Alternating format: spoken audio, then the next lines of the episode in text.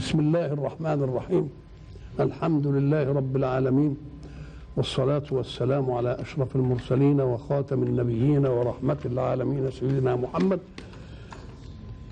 وعلى آله وصحبه أجمعين. وبعد فقد وقفنا في اللقاء السابق عند قوله سبحانه أعوذ بالله من الشيطان الرجيم. قل يا عبادي الذين آمنوا اتقوا ربكم. للذين أحسنوا في هذه الدنيا حسنة أي حسنه في الآخرة. وإلا لو كانت في الدنيا حسنة حسنة. هنا نقول له الكفار بيتمتعوا بحسنات كثيرة قوي وأرض ولكن يمكن أن يضعف هذا بأن الحسنة إن كانت هتتفسر بالنعيم اللي مش عارف إيه هي في ذاتها مش حسنة. لأن الشيء الذي يكون سببا في صرف الإنسان عن ربه يبقى يلد سيئة. وأرض الله واسعة. ما علاقة أرض الله واسعة بقوله اتقوا الله واعبدوه. قال لك إن صادفت متاعب في أرضك التي تعيش فيها وأرض الله واسعة. نعم. لو تنبهنا إلى آية في سورة الرحمن لوجدناها يمكن أن تحل كل مشاكل الدنيا المعاصرة. يقول الحق سبحانه وتعالى أعوذ بالله من الشيطان الرجيم. والأرض وضعها للأنام. وضعها يعني جعلها إيه؟ تحت تصرفه زي متواضع هي موضوعة للأنام. أي أرض؟ ما قالش أرض مصر ولا أرض أمريكا ولا أرض الحجاز ولا لا. والأرض يعني كل الأرض. ما دام جت إيه؟ الأرض. وتعريف بالجنس ولا جابش الحديد يبقى كل الأرض. يبقى حط والأرض كل الإيه؟ الأرض. وضعها لمن؟ دي للمصريين ودي للإنجليز ودي للألمان ولا لكل الأنام؟ يبقى كل مخلوق لله له في أرض الله المخلوقه نصيب. فإذا ضاق مكان يبقى يلتمس مكان. لكن الناس حجروها. وحددوها. وأصبح اللي عايز ينتقل بعد شبر واحد كده شوف قد إيه إجراءات يعملها علشان ينتقل. ويوافق عليه ولا ما يوافقش؟ ولذلك تجد مشكلة العالم الآن اقتصادية. أرض بلا رجال ورجال بلا أرض. لو الأرض كل الأرض للأنام كل الأنام. ده إحنا السودان فرحنا هنا فيها كذا مليون فدان. وإحنا كم مليون؟ تسعنا ولا تسع العالم العربي كله. تسع إنما باقي الحدود حددناها. يبقى خالفنا آية القرآن. يبقى هي آية مبتدأ. والأرض وضعها وضعها للأنام. يبقى الأرض كل الأرض للأنام كل الأنام. يبقى إياكم وهذه الإيه؟ ده بيختلفوا على شبر. وتلتفت تلاقي تقسيم خرائط الدنيا. لو تبص له كده تضحك. تلاقي دي داخلة مثلث كده ودي خارجة مش عارف قد إيه ودي عاملة مش الله. إيه؟ يعني حتى مش مساوية في الاسم كده يعني لها طول وعرض حتة كده واخد ابدا. شبر قد كده هو عامل مش عارف إيه. وشبر قد كده مملكة. وشبر قد كده أمارة. إيش الحكاية؟ نعم. وأرض الله واسعة إنما يوفى الصابرون أجرهم بغير حساب. آه الصابرين دل على أن في مشقات وفي متاعب.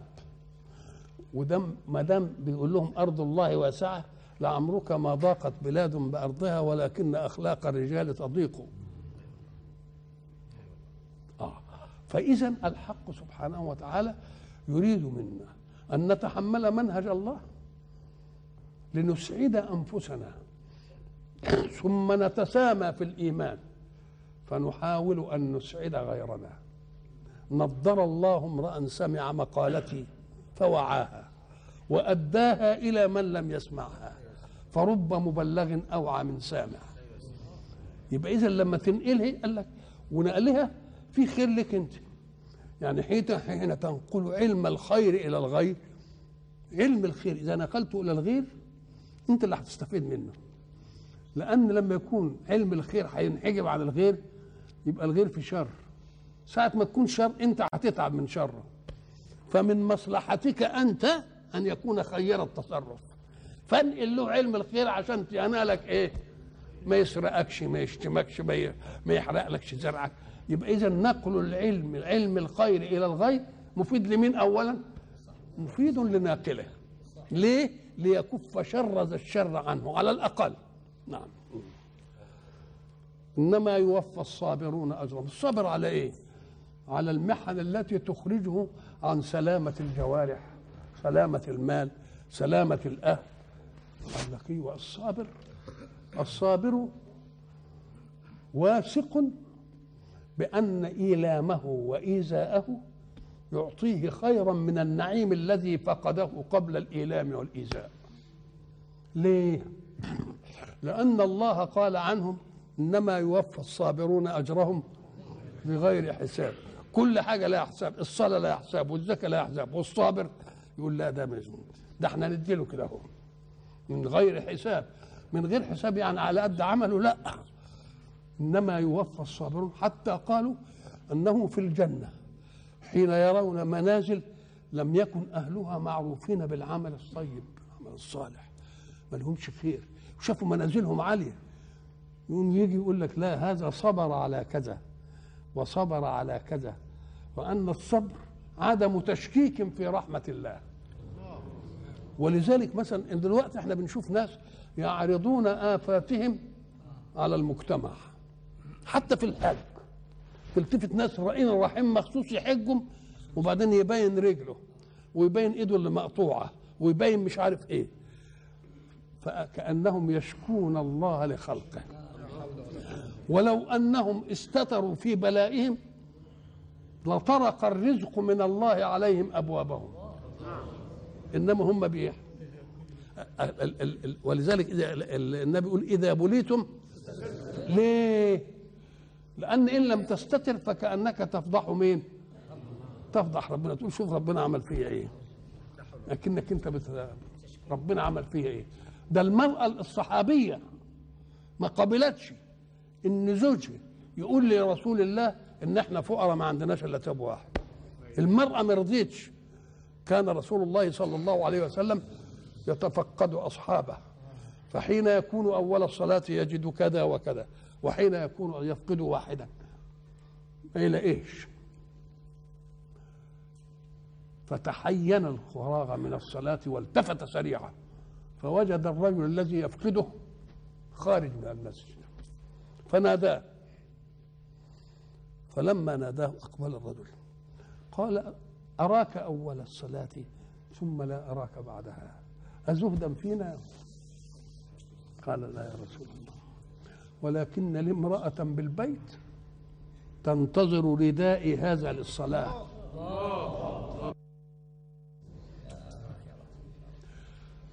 فدعا له بالخير. فلما ذهب في بعض الروايات قالت امرأته له لقد تأخرت عن ميعادك قدر كذا تسبيحة. فكأنها عاملة الميزان بتاعي عدد التسابيح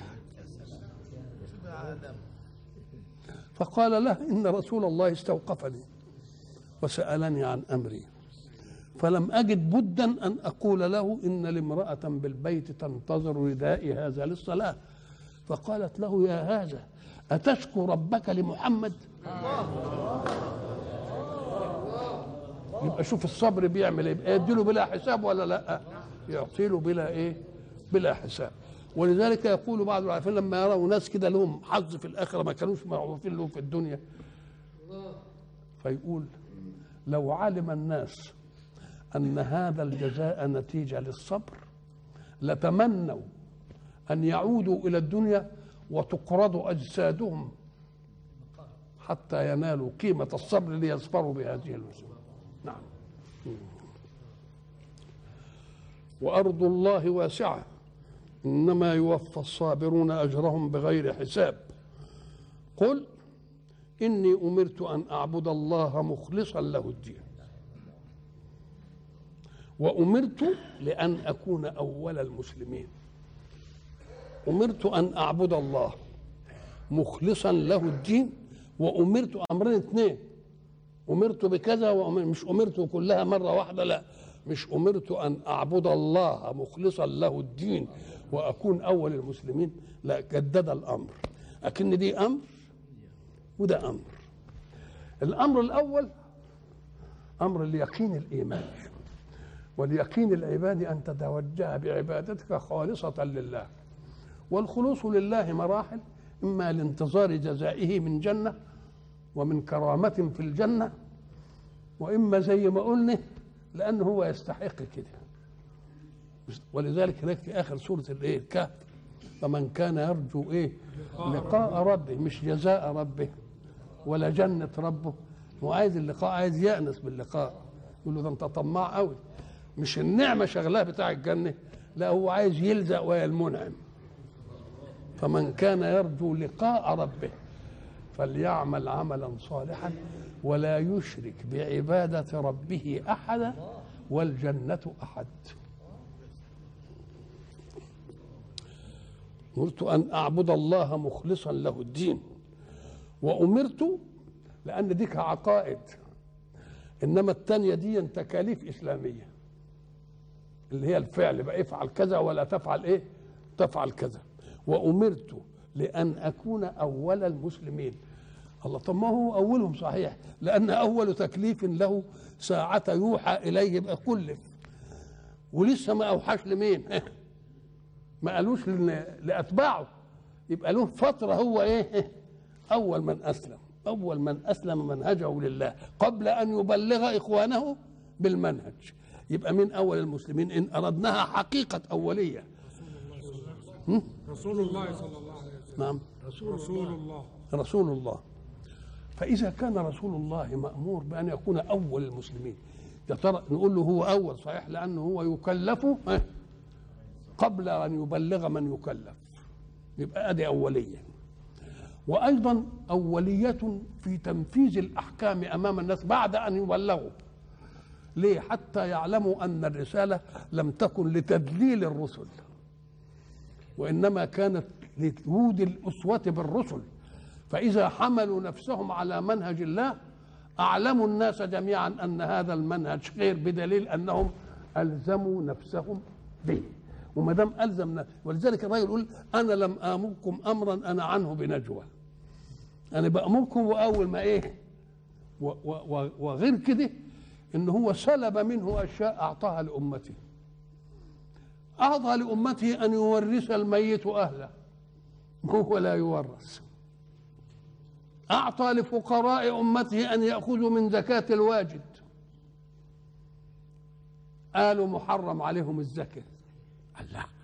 يبقى إذن هؤلاء تعبوا. أهل تعبوا لأنه رسول. لولا أن إشراق الجزاء في نفوسهم مديهم أمل في أن المسألة واضحة وكأنهم وكأني أنظر إلى أهل الجنة في الجنة ينعمون وإلى أهل النار في النار يعذبون ما صبروا على هذا ولذلك يقول الحق سبحانه وتعالى لنساء النبي لستن كأحد من النساء ما دام أنتم نساء نساء الرسول لازم تكون أول من إيه؟ من ينفذ منهج الرسول عشان الناس ما تفهمش إن الرسول جاي جبار ويأمر الناس بأشياء ولا يفعلهاش لا هو أول الإيه؟ أول المسلمين.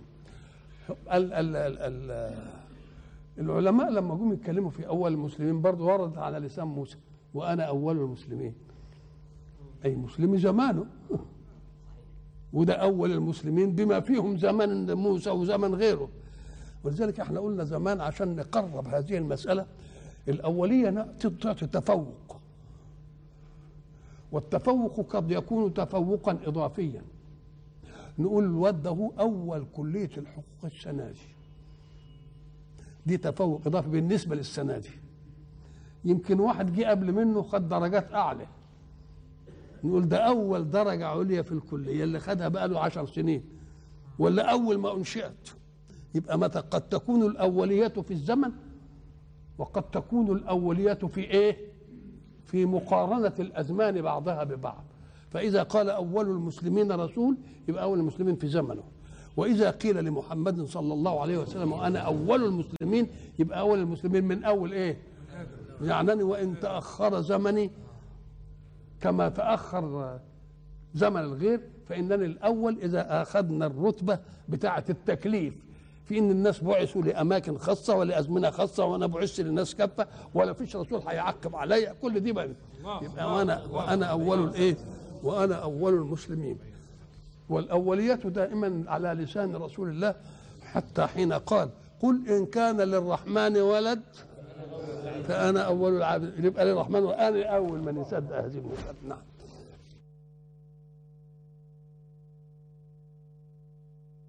قل إني أمرت أن أعبد الله مخلصا له الدين وأمرت لأن أكون أول المسلمين حتى تتحقق فيه الأسوة وانه ما جاء ليدلل وإنما جاء لإيه؟ ليهدي ويهدي بالعمل قبل أن يهدي بالإيه؟ بالقول. قل إني أخاف إن عص... النبي بيقول إني أخاف إن عصيت ربي عذاب يوم عظيم. فكأني لم آخذ المنزلة وآخذ بها حكما نهائيا أنني مكرم. لا إن عصيت هيبقى لي برضه إيه؟ يعني يعني تقديم الله لي اولا. ما يشفعليش إذا حصلت مني معصية. إن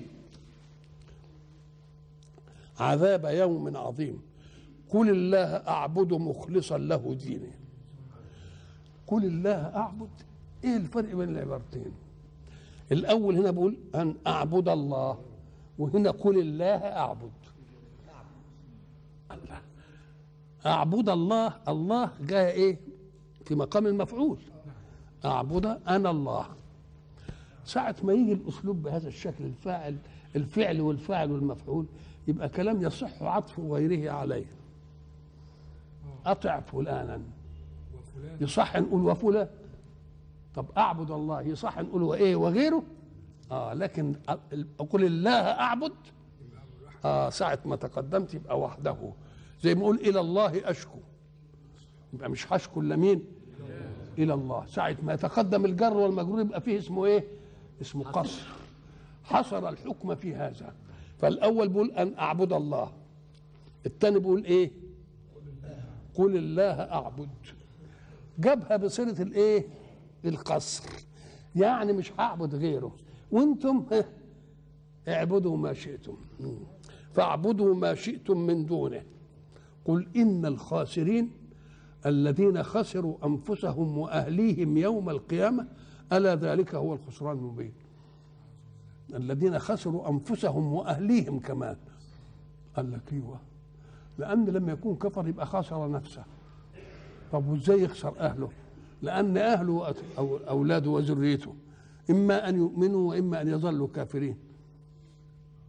ظلوا كافرين هيشتركوا كلهم بقى الأب والأولاد في الخسارة الأخرانية. طب آمنوا مش هيبقوا ويا بعض برضه. يبقى ما هيشوف مش هيشوف أهله.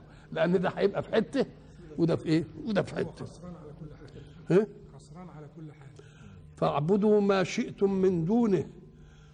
قل إن الخاسرين الذين خسروا أنفسهم وأهليهم سواء كف إن كفر أهلهم فهم خاسرون معهم. وإن آمنوا يبقوا مش هيشوفوهم ولا ي...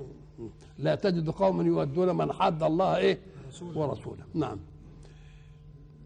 وأهليهم يوم القيامة ألا ذلك هو الخسران المبين.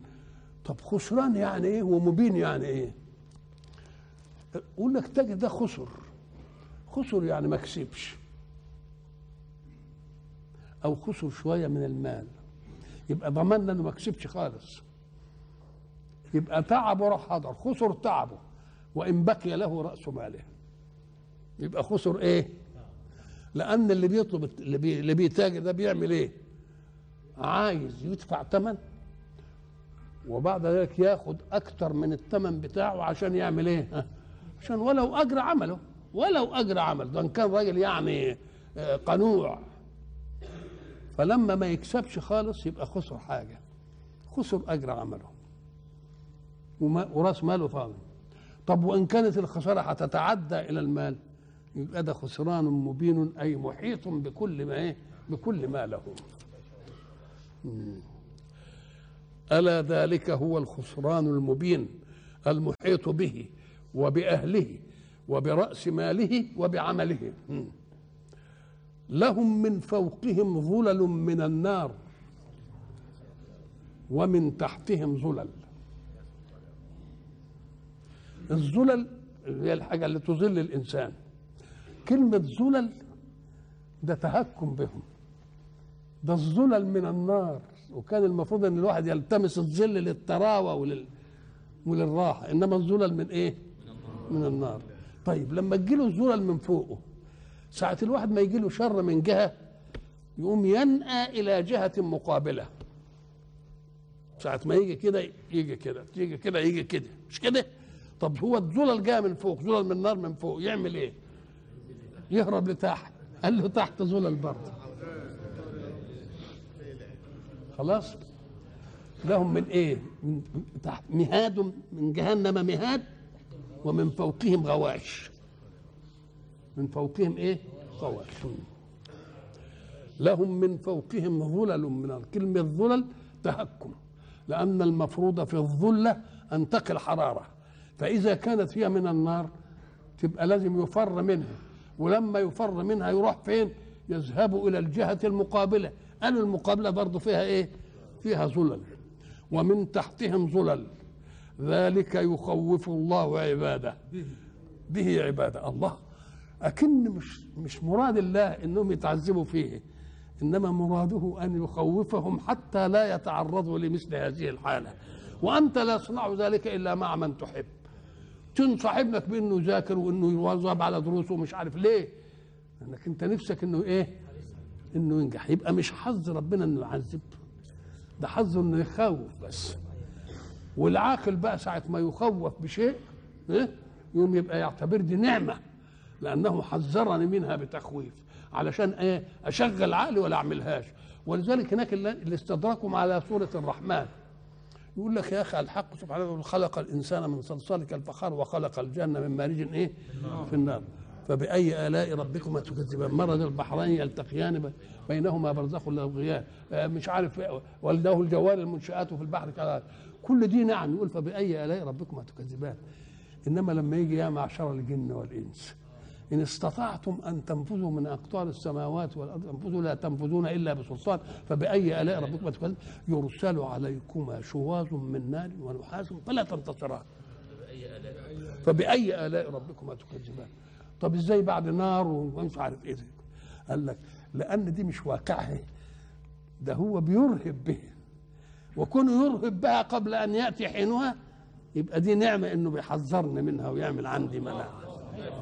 تبقى نعمة إنه قال لي كده. ما خدنيش على مشمي. ذلك يخوف الله به عباده. يا عبادي ما دام أنا بخوفكم بقى فاتقون. اجعلوا لتخويفي رحمة بكم مش إرهاب لكم دي رحمة. علشان لما تجيب المسائل وتوزنها تقوم يمكن ترجع عن هذا. لما ترجع عن هذا تبقى أهل لإيه؟ لرحمتي وأهل لإيه؟ لمغفرتي. يا عبادي فاتقون. والذين اجتنبوا الطاغوت أن يعبدوها. اجتنبوا الطاغوت. ما هو الطاغوت؟ الطاغوت ده مبالغة في الطاغي في طاغي. يقول لك فلان طاغ وفلان طاغوت. والذين اجتنبوا الطاغوت أن يعبدوها وأنابوا إلى الله لهم البشرى. ليه؟ لأنهم وقفوا أمام الإيه؟ أمام الظلم. والله يريد من كل مجتمع يرى منحرفا فيه إنه يعمل إيه؟ إنه يقطعه. ما دام يقطعه ويعزله عن المجتمع يبقى لازم يرجع إلى نفسه. لأن اللي بيخلي الناس تشتري إحنا في الفلاحين مثلا لما واحد يروح الجهاديه كده ولا الجيش ويتعلم ضرب النار ويشتري بندقية بقى يقعد يهدد الإيه؟ يهدد البلد. لحد ما يجي له واحد فتوه تاني بقى الشر للشر خلق. لو أن أهل هذا الفتوه اللي ماسك البندقية وبيهدد الناس في حياتها وبيهددهم في أرزاقهم وقفوا له من أول انحراف ما كانش ينحرف بعدها إنما وجد الناس تكرمه لأنه منحرف. وإلى لقاء آخر إن شاء الله.